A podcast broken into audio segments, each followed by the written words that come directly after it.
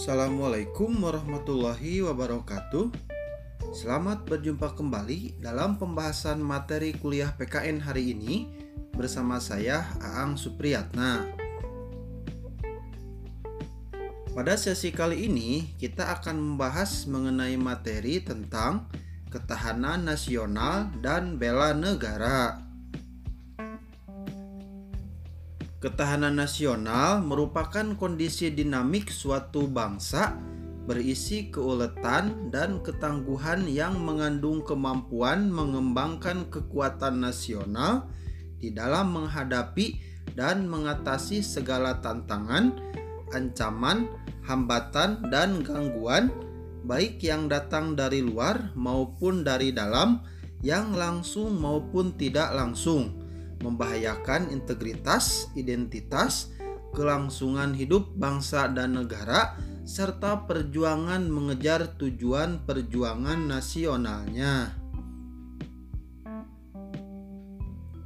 Selanjutnya, tentang hakikat ketahanan nasional.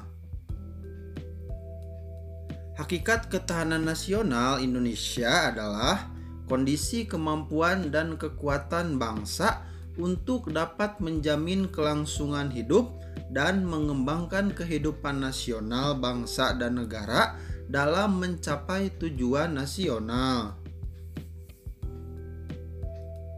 Kemudian, tentang konsepsi ketahanan nasional.